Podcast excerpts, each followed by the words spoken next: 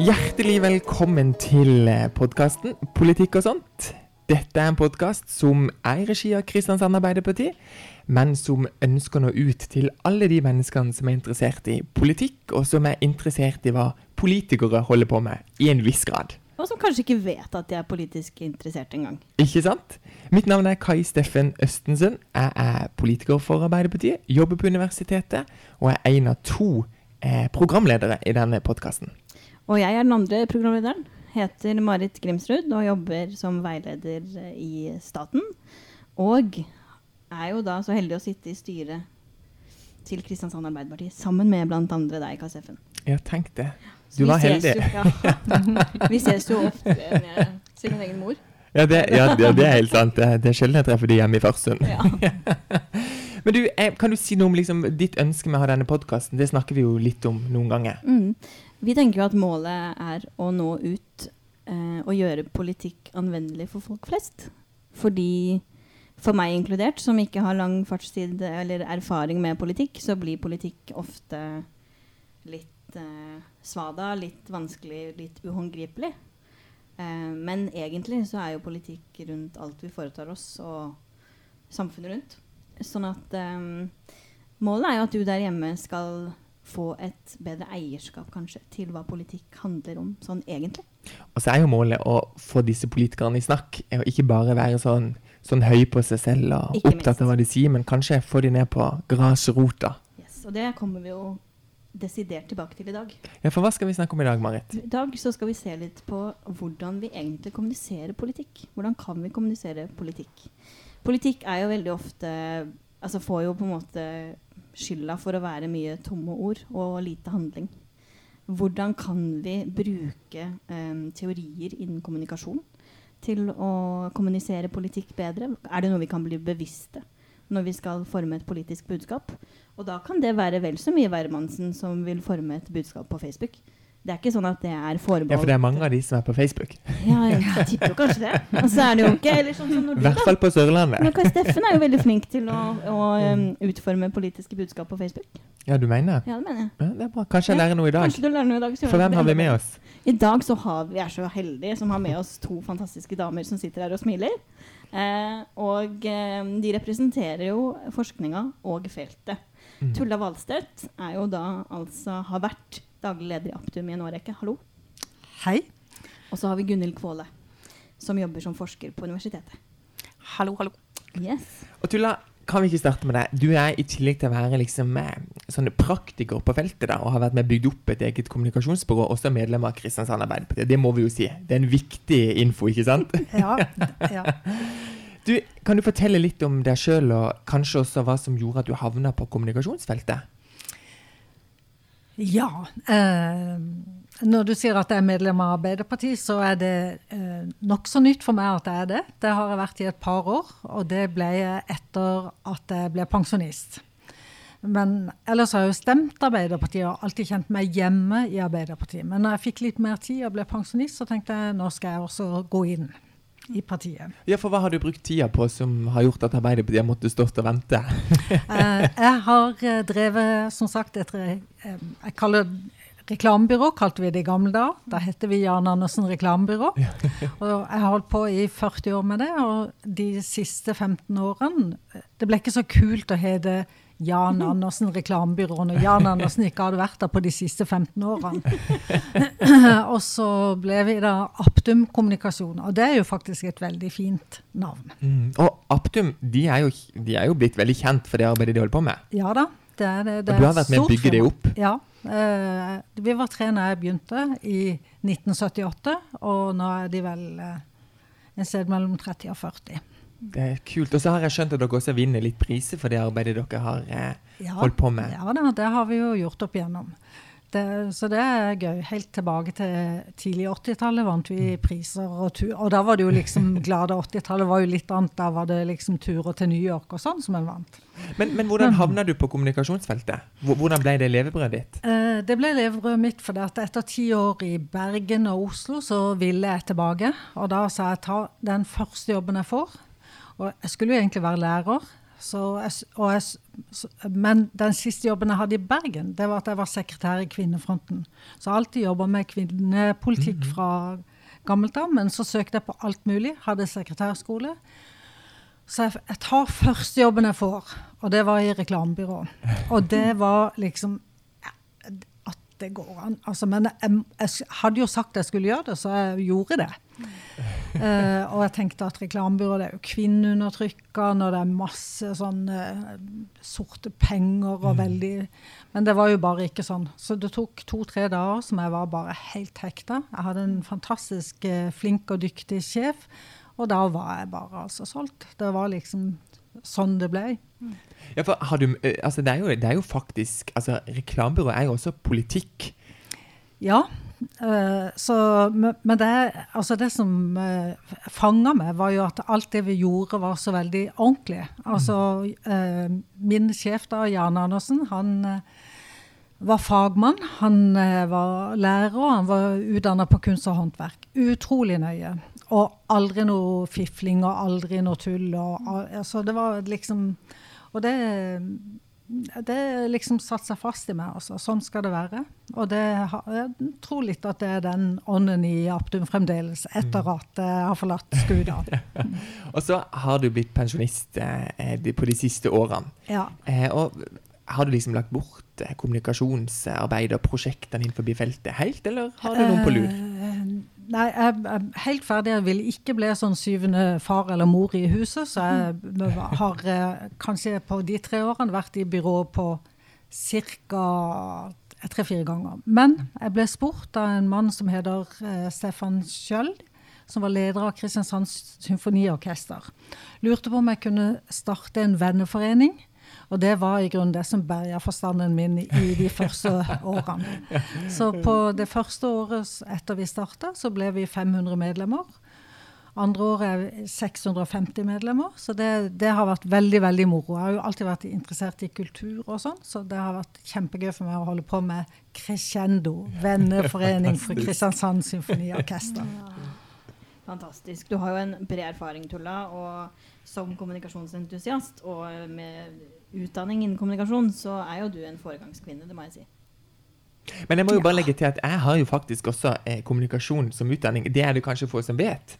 Men jeg, nei, det ser du. Men jeg har tatt en grad i samfunnsplanlegging og kommunikasjon med fokus på medvirkning. Og der har jeg lært at kommunikasjon det er det viktigste virkemiddelet for å lykkes med god planlegging. Så kan jeg bare si det til alle som lytter på. Mm.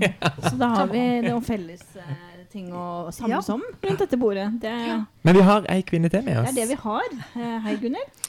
Hei, Marit. Du sitter så fint der og venter på din tur. eh, og så er det jo sånn da, at du heter jo nå Du er såkalt prodekan for forskning ved Fakultetet for humaniora og pedagogikk ved Universitetet i Agder. Hva er en prodekan for forskning? ja, Fakultet for humaniora og pedagogikk det er et stort fakultet. Det er 250 vitenskapelige ansatte. Så dekanen, som er den øverste faglige lederen for fakultetet, eh, har meg i funksjon som prodekan. Altså en del av hans ansvarsområde eh, er delegert til meg. Så 50% av stillinga mi er da som å være prodekan for forskning. Så det er liksom forskningsområdet som jeg jobber med. Og det er mye forskningsaktivitet på fakultetet. Folk jobber med litteraturvitenskap, språkvitenskap. Både engelsk, spansk, tysk, fransk og ikke minst nordisk. Eh, historie, religion, filosofi, etikk og pedagogikk. Så folk er opptatt av veldig, av veldig viktige ting. da.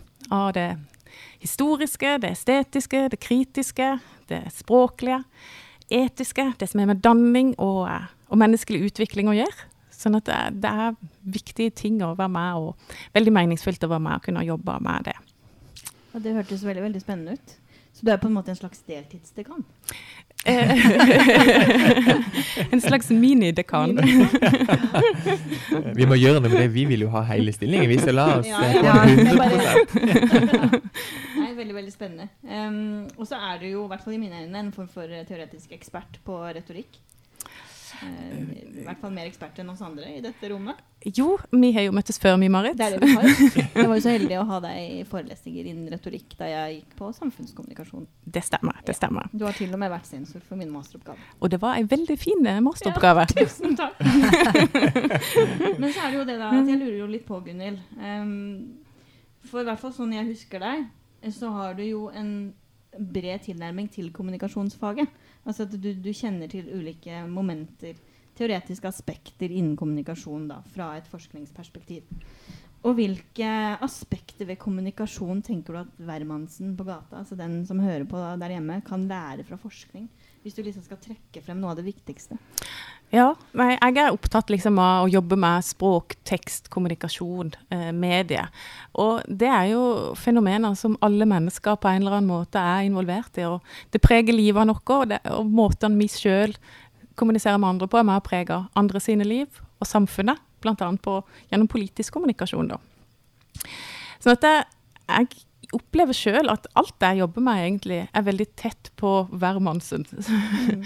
jeg er opptatt av hvordan er det vi snakker, skriver, kommuniserer i ulike kontekster. Hvorfor snakker vi og skriver og kommuniserer vi på de måtene det gjør? Jeg er bl.a. opptatt av ting som har med, med makt, for språk og tekst er aldri nøytrale arenaer. Men det kan være makt, og gjennom å analysere tekster så kan identifisere òg eh, samfunnsstrukturer. For, for, hva skal du si, eh, samfunnet viser seg òg gjennom de tekstlige produksjonene som er på ulike arenaer. Absolutt. Jeg kjenner eh, masteren kommer snikende inn i hodet nå. Men Kan jeg bare spørre om en ting? Tulla, i forbindelse med, med det Gunhild nevner nå. Makt. Føler du på at du har jobba et yrke med mye makt? At du har egentlig vært en maktkvinne? Nei, det føler jeg ikke i det hele tatt. Jeg, jeg, jeg, føler at jeg har eh, jeg har jobba med kommunikasjon og hjelper kundene til å bli tydelige på det de er gode på. Det, så jeg kjenner absolutt ikke på makt. Jeg kjenner uh, på at jeg har vært liksom ja, på, på servicesida, egentlig. På å mm. hjelpe kunder til å liksom bli tydeligere. Mm. Mm -hmm. Hva tenker du rundt det Tulla sier? Tror du at mye Nå sier jeg ikke at du Tulla opplever at det er ubevisst maktbruk i en bransje, men, men jeg tenker at det er, jo, det er, jo, mye makt man ikke er klar over, kanskje? At man forvalter også? Ja, det, det tror jeg så absolutt. Eh, og jeg tror de aller fleste gjenger inn i felt fordi de har liksom lyst En positiv form for, for makt. da. Altså De har lyst til å være med og, og påvirke, lyst til å være med og forme de arenaene og hjelpe folk. Mm. Eh, så tror jeg de fleste av oss som som på en måte de fleste, jeg, jeg opplever meg òg som en helt vanlig person. Jeg sitter i funksjon som prodekan for forskning. Det gjør at jeg nødvendigvis òg har en type makt. Men det er ikke sånn at jeg går rundt og opplever meg sjøl som mektig. Men en må selvfølgelig være bevisst på hvordan en uttrykker seg, og på hvordan, hvordan en bruker de mulighetene som en har. Det samme ligger jo ikke minst på det politiske feltet. Ja, tenker jeg. Ja.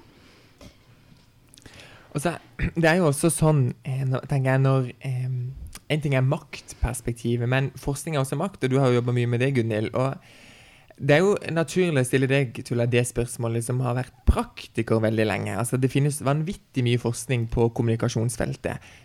Bruker du den, eller har du brukt den i ditt arbeid som praktiker? Ja, altså jeg er jo helt sikker på at eh, det er blitt brukt, men nå er det ikke meg som er den fremste teoretikeren i, i, uh, i uh, byrået vårt. Jeg har alltid vært opptatt av å få tak i veldig flinke folk. Og gjerne beholde de så riktig lenge. Og, og det syns jeg, sånn litt beskjeden sagt, at det har jeg vært sabla god på.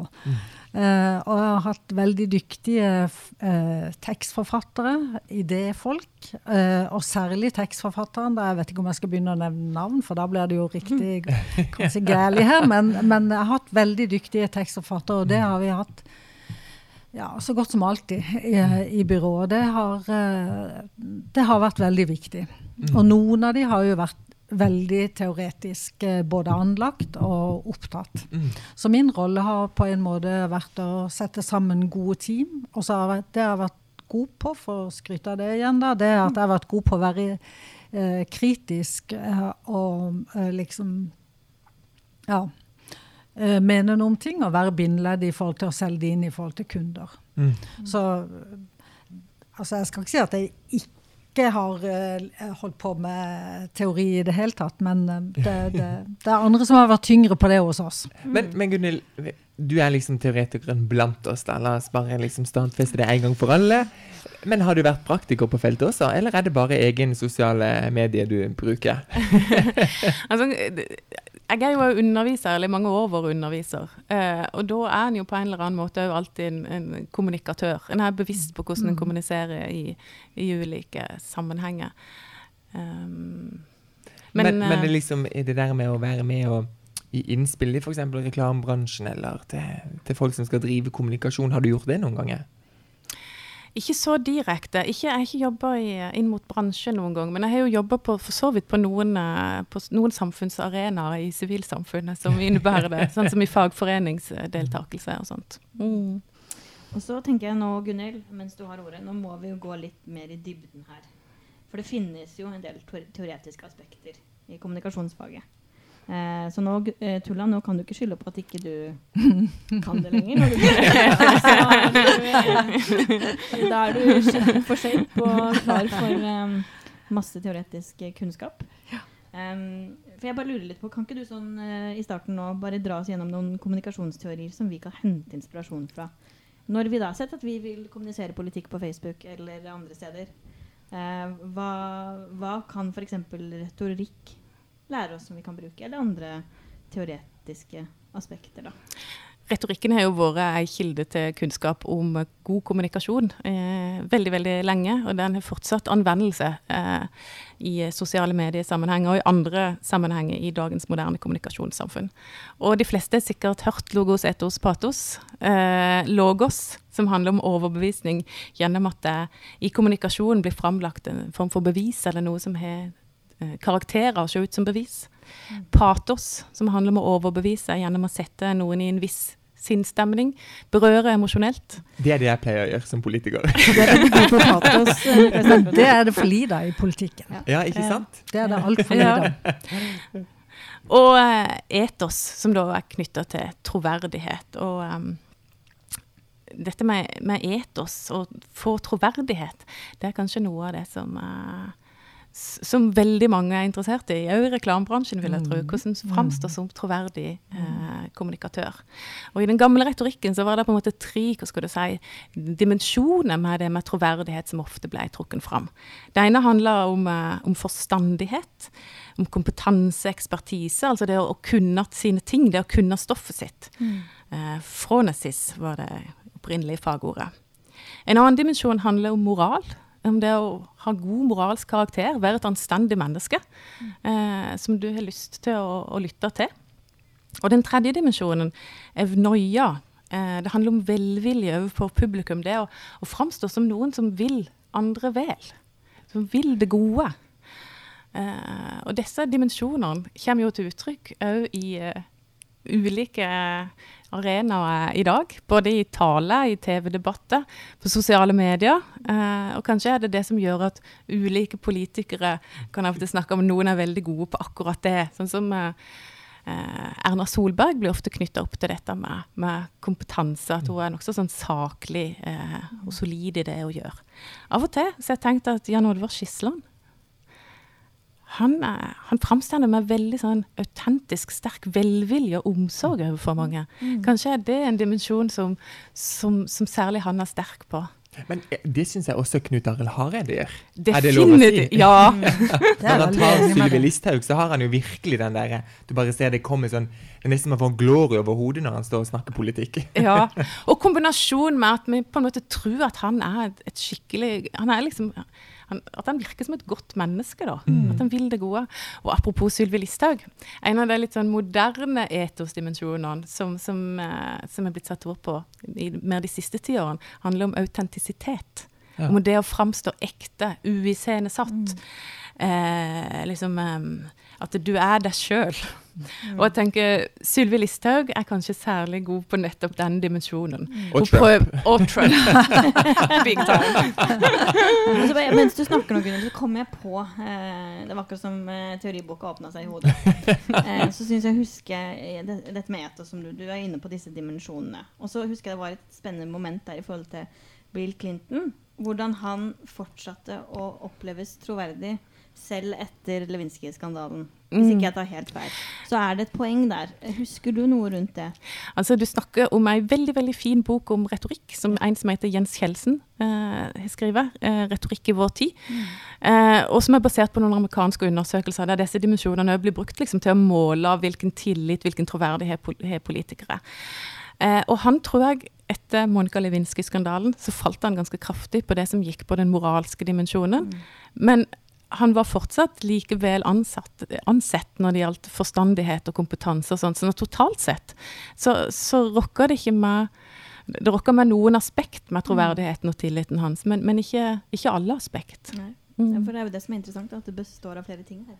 Men, men Tulla, du som har jobba liksom praktisk med kommunikasjon. Hvis du ser på politikerne som er i dag, eller fra før av, tenker du liksom wow, den politikeren den kan sjekke av på alle disse boksene, og det er en bra kommunikatør?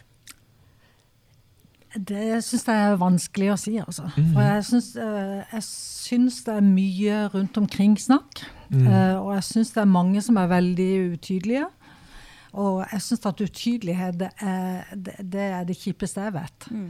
Uh, og så, så Jeg syns ikke det er mange som er kjempegode. Uh, det kommer jo mange unge Eh, når som eh, Det sier jeg jo bare for å smikre dere, selvfølgelig. Vi setter pris på det. ja. Nei, men, det, men, det, men det, jeg, jeg syns dessverre at det er mye utydelighet og, og mye ja, ikke svar på spørsmålet. Mm. Det var ei dame som jeg sa jeg skulle dette i dag. For jeg syns jo det var kult. Jeg har jo aldri vært med på det noe sånt som dette før. Og så sa jeg om politikk. Så ja, du må si de må svare. For det er liksom faktisk sånn utrolig mange som snakker rundt grøten. Altså. Mm. Vi kommer jo litt tilbake til det etterpå. Ja. Bare Gunhild, um, mens vi har det her Nå har jo Tulla ledet Aptum i en mm. årrekke. Og Aptum er jo heller ikke uten betydning. Har du lyst til å bare som en fun fact fortelle hva betyr egentlig det? Ja, jeg var ganske, jeg var veldig fascinert av navnet på kommunikasjonsbyrået lenge. For Aptum er et sentralt begrep i, uh, i retorikken. Ja, ja da. Det. Vi, vi, brukte jo ca. halvannet år på å slåss om hva vi skulle hete. og uh, han som vant da, visste jo akkurat hva vi vant. Det, men det er også sånn ja, Det betyr jo da det retorisk riktige øyeblikk, eller riktig ord til riktig tid. Ja, det er knytta til liksom den fornemmelsen for hva som er passende ja. språk til ja. de ulike situasjonene. Så det, det, det, var et veldig flott navn. Mm. Og det, det kjentes med en gang veldig riktig. Det som sømmer seg, husker jeg noterte meg. Ja. Mm. Mm. Så er det god klang òg. Ja, det er det. Ja. Også, uh, altså, navn skal jo ha mye vokaler i seg, de skal være lette å si. Så det hadde liksom klaffa på alt. Ja. Og så er det jo veldig... Så det var en veldig flink tekstforfatter som fant på det navnet. da. så er det jo veldig ned i tråd med akkurat det dere driver med. Ja. Ja. Dere skal få snakke mye mer om den praktiske politikken. Jeg skal bare avslutte med deg, Gunhild, i denne omgang. Um, hva, hvis du skal liksom gi sånn derre from the top of your head, tre til fem punkter hva tenker du, eller stikkord, da, politikere bør eh, ha som en type checklist eller en, uh, være bevisst på når de skal kommunisere et budskap? Sånn at de fremstår nettopp da så troverdig som mulig. At ikke det blir bare disse tomme ordene. Og har du eksempler på noen du syns er veldig gode til å få frem budskapet sitt? Ah, altså En kan jo nevne liksom, de klassiske retoriske dydene, som det gjerne kalles. Eh, at, eh, at uh, budskapet skal framføres i sånn at det er korrekt språklig form. Eh, altså kan en diskutere hvor viktig korrekthet er på, på enhver arena, altså, men mm. liksom unødvendig slums eh, er ikke alltid bra. Klarhet, som er den du peker på, Tulla, og som er kanskje det aller vanskeligste å få til en, en, eh, passende språklig utsmykning. Og det trenger ikke alltid liksom være de overdådige formuleringene, men til noen arenaer så er en, eh, en, eh, Hva skal du si En, en mer utvikla språklig form òg relevant. En skal kunne ha visjoner, vyer og, og høyere tanker. Og dette at det er passende i forhold til, mm. til situasjonen. Eh, og så um, tenkte jeg litt på det du sa. Liksom, er det noen som er veldig gode? det, politikk blir jo utøvd på utrolig mange arenaer. Det som mange av oss helst ser, er kanskje liksom TV-debattene mellom de nasjonale partilederne og sånt. Og det er jo veldig drevne. Og det er ofte mye sånn formatet som kan, som kan gjøre det litt vanskelig å få tilgang på kommunikasjon der. Men politikk blir jo utøvd på så utrolig mange flere arenaer mm. enn det. Sosiale medier, i nyhetsmediene osv. Men her tidligere i høst så hørte jeg på radioen på årsmøtet fra Trøndelag Arbeiderparti. Det var sikkert uh, en del som gjorde det av ulike grunner. Det var mange som så på det, ja. uh, og jeg ble slått av hvor utrolig dyktige politikere og retorikere det var. For de kom opp den ene etter den andre, og dette er nok hva skal du si, helt vanlige folk som på ingen måte er profesjonelle politikere, og leverer veldig velforberedte, poengterte innlegg med stor innlevelse. Og de aller fleste, eller veldig mange av de handler om, om andre politikkområder enn en Ja. metoo. eh, så det jeg tenker jeg at vi skal, vi skal våge å løfte fram at der er veldig mye god politisk kommunikasjon på veldig mange arenaer enn de som vi eh, alltid får øye på med en gang. da. Så er det jo liksom du sier, da, å huske på at eh, politisk kommunikasjon er ikke bare på en TV-debatt.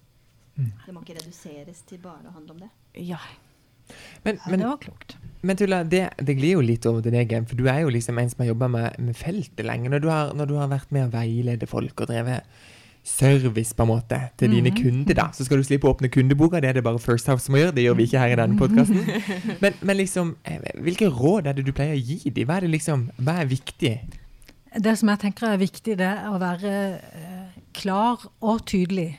Men det betyr ikke kjedelig. Mm. Men det må være absolutt eh, forståelig. Så klar og tydelig, det er liksom hellig for meg. Altså. Så det er liksom en sånn syretest. Jeg, altså, jeg er veldig imot sånn rebus og så mye Mm. av reklamebransjen jeg har holdt på med. Mm. Så jeg, jeg, klart og tydelig, det er liksom det viktigste av alt. Men, men når, Men- du da, når du liksom har, har folk kommer til deg, da, eller mm, kommer til deg og liksom du, du jeg trenger hjelp. Hva er det de liksom trenger hjelp med? Eh, De trenger hjelp til å finne kjernen i det de skal kommunisere. For Mm. Ofte er det jo sånn at folk vil si veldig mye på en gang. Så da å ja, være filteret på å tenke at ja, men det er faktisk ikke så viktig, det er liksom lenger baki der. Men hva er det viktigste? Og det, altså, den må jo eh, bruke mye tid på å forstå hva den uh, kunden har, har behov for, og hva uh, Ja, få fram det. altså, Så budskapet er er liksom Men jeg kjenner meg litt igjen, fordi nå er jo jeg eh, folkevalgt og får lov til å stå på talerstolen og proklamere. Nå skal vi i fylkestinget i morgen, f.eks. Og da kommer det jo en interpellasjon om dette med forbud om nika og burka. Og da blir det ofte litt den derre Det er jo mest patos som kommer inn i bildet, for enten så er man for eller så er man mot, så er man sinte på hverandre, hva man mener. Det er liksom mitt inntrykk, da. Men da, da har jeg ofte litt sånn behov, føler jeg sjøl, på å måtte eh, nå innom ekstremt mange perspektiver for at ikke de skal kunne ta meg på noe i ettertid. Ja, det kjenner meg veldig enig. Ja, for det opplever jeg. På jobb også, for eksempel, Ja. Så føler jeg jo liksom at jeg må få frem alt fordi eh, hvis ikke så kjenner ikke den personen seg igjen. Og, og hvordan kan man klare å, å få frem det? Altså, for da er man jo kanskje ikke så tydelig likevel. Nei, altså det, du må altså du, Det er en god venninne av meg som sier du må gi slipp på noe for å få med deg alt. Ja. Og det er faktisk eh, viktig. Du kan, ikke, du kan ikke si alt. Så jeg tror at den største tabben folk gjør, er å bruke liksom Forsøke å si alt på en gang. Da blir det ingenting. Mm. Mm. Og så kan man jo heller tenke at man, det, å ikke, det at man ikke sier alt i en sammenheng, betyr jo ikke at man ikke skal få lov til å si noe ikke. annet neste gang. Absolutt ikke. Men det å kunne spre det litt utover, kanskje. Mm. Jeg tenker det er litt interessant det du sier, liksom at det folk, eh, dine kunder har hatt mest vansker ved, vært det å være tydelig og klar, og at du bruker tid på å hjelpe dem til å se det. For er det ikke noe med den tidsmomentet, altså det å bruke litt tid på å få noe gjennomarbeidet, og det kan en gjøre på noen arenaer, mens du som kanskje er innom hva Steffen? Eh, jeg vet ikke, jeg, ti, du holder Ja. ti interpellasjoner på en dag. Mm. Ja, ja, det er jo litt sånn det Så, blir. så, så er det kanskje mer krevende. For politikere i dag må jo forholde seg til veldig mange og veldig komplekse saksområder. Ja, og bare sånn som når vi skal i fylkestinget nå, neste runde så er det 40 saker vi skal behandle på én dag. Og du skal behandle alt mellom himmel og jord. Altså hvordan veitraseene skal se ut den ene plassen, til hvilke type kultursatsing vi skal på andre sida. Så skal vi innom en tur med et forbud om burka, og så kanskje litt pengesnakk i tillegg.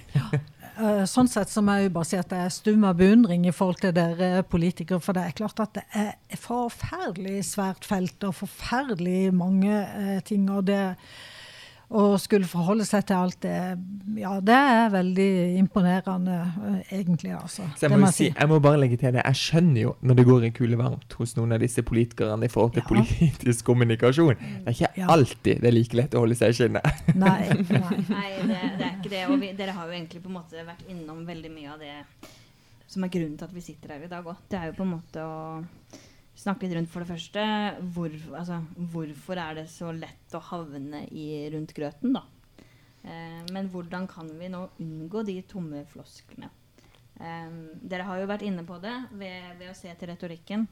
og ved å se til klart språk og tydelig tale. Um, og jeg har jo fulgt politikken. Jeg er litt som deg, Tulla, så, så du trenger ikke å føle deg så fersk. Altså, for jeg er enda ferskere enn deg. så kom, jeg følte jeg har blitt headhunta fra gata uh, av Mette Gundersen, så takk til det. uh, og, og um, jeg er jo blant deg der hjemme også, eller folk flest, ser jo ofte det at vi lover, politikere lover mye mer enn en det vi opplever kanskje at de kan holde. Um, er det slik, tenker f.eks. du, Tulla, at så hvis de bare forholder seg til litt av gangen, altså velger deler av sitt budskap og ikke er opptatt av å si for mye på en gang og er klart i sin tale, har de liksom da gjort sitt for å unngå disse tomme flosklene, eller har du noen andre tanker rundt det? Uh, Nei, men jeg, altså, jeg, ser definitivt at det er kompleks. Altså. Det, det, det, ser jeg, og at det må være vanskelig. For den kan ikke være, jeg tipper at den, ingen kan være helt enig i alt heller. Altså. Men, eh, men, jeg tror um, jeg tror på både være ærlig på den måten at en heller svarer at det må jeg komme tilbake på, eller dette har jeg ikke satt meg inn i, eller mm. dette altså, jeg, jeg tror på det. Ja. Mm.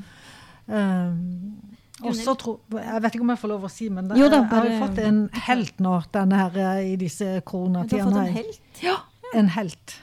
Uh, og jeg er ikke alene om å ha fått han, for vi er jo en hel sånn Jeg tror vi har samme helt. Ja, og det tenker jeg han oppfører seg Altså, han heter jo Espen Nakstad, da. Mm. Fungerende assisterende, eller uh, ja. Eh, han er jo bare helt topp. Og han, eh, han svarer alltid helt ordentlig. Han har ikke noe sånn, ikke noe fiksfakserier og ikke noe innledning og avslutning. Han bare svarer rett opp og ned. Og han byr på seg sjøl uh, uten, uten, å fjolle det til eller uten å gjøre seg han, han er virkelig Også, en helt, altså. Ja, for jeg opplever at når han svarer på spørsmål For det er vanskelige ja, ting òg. Og så der politikere ofte eh, svarer med, med liksom La meg begynne. Så mm. svarer han ja eller nei. Ja. Altså, du får liksom, Først får du fasiten, og så får du begrunnelsen. Ja. Mm. Så det er akkurat som jeg får en følelse noen ganger av at politikere ikke tør helt å tro på sin egen politikk, så derfor skal de pakke det inn ja.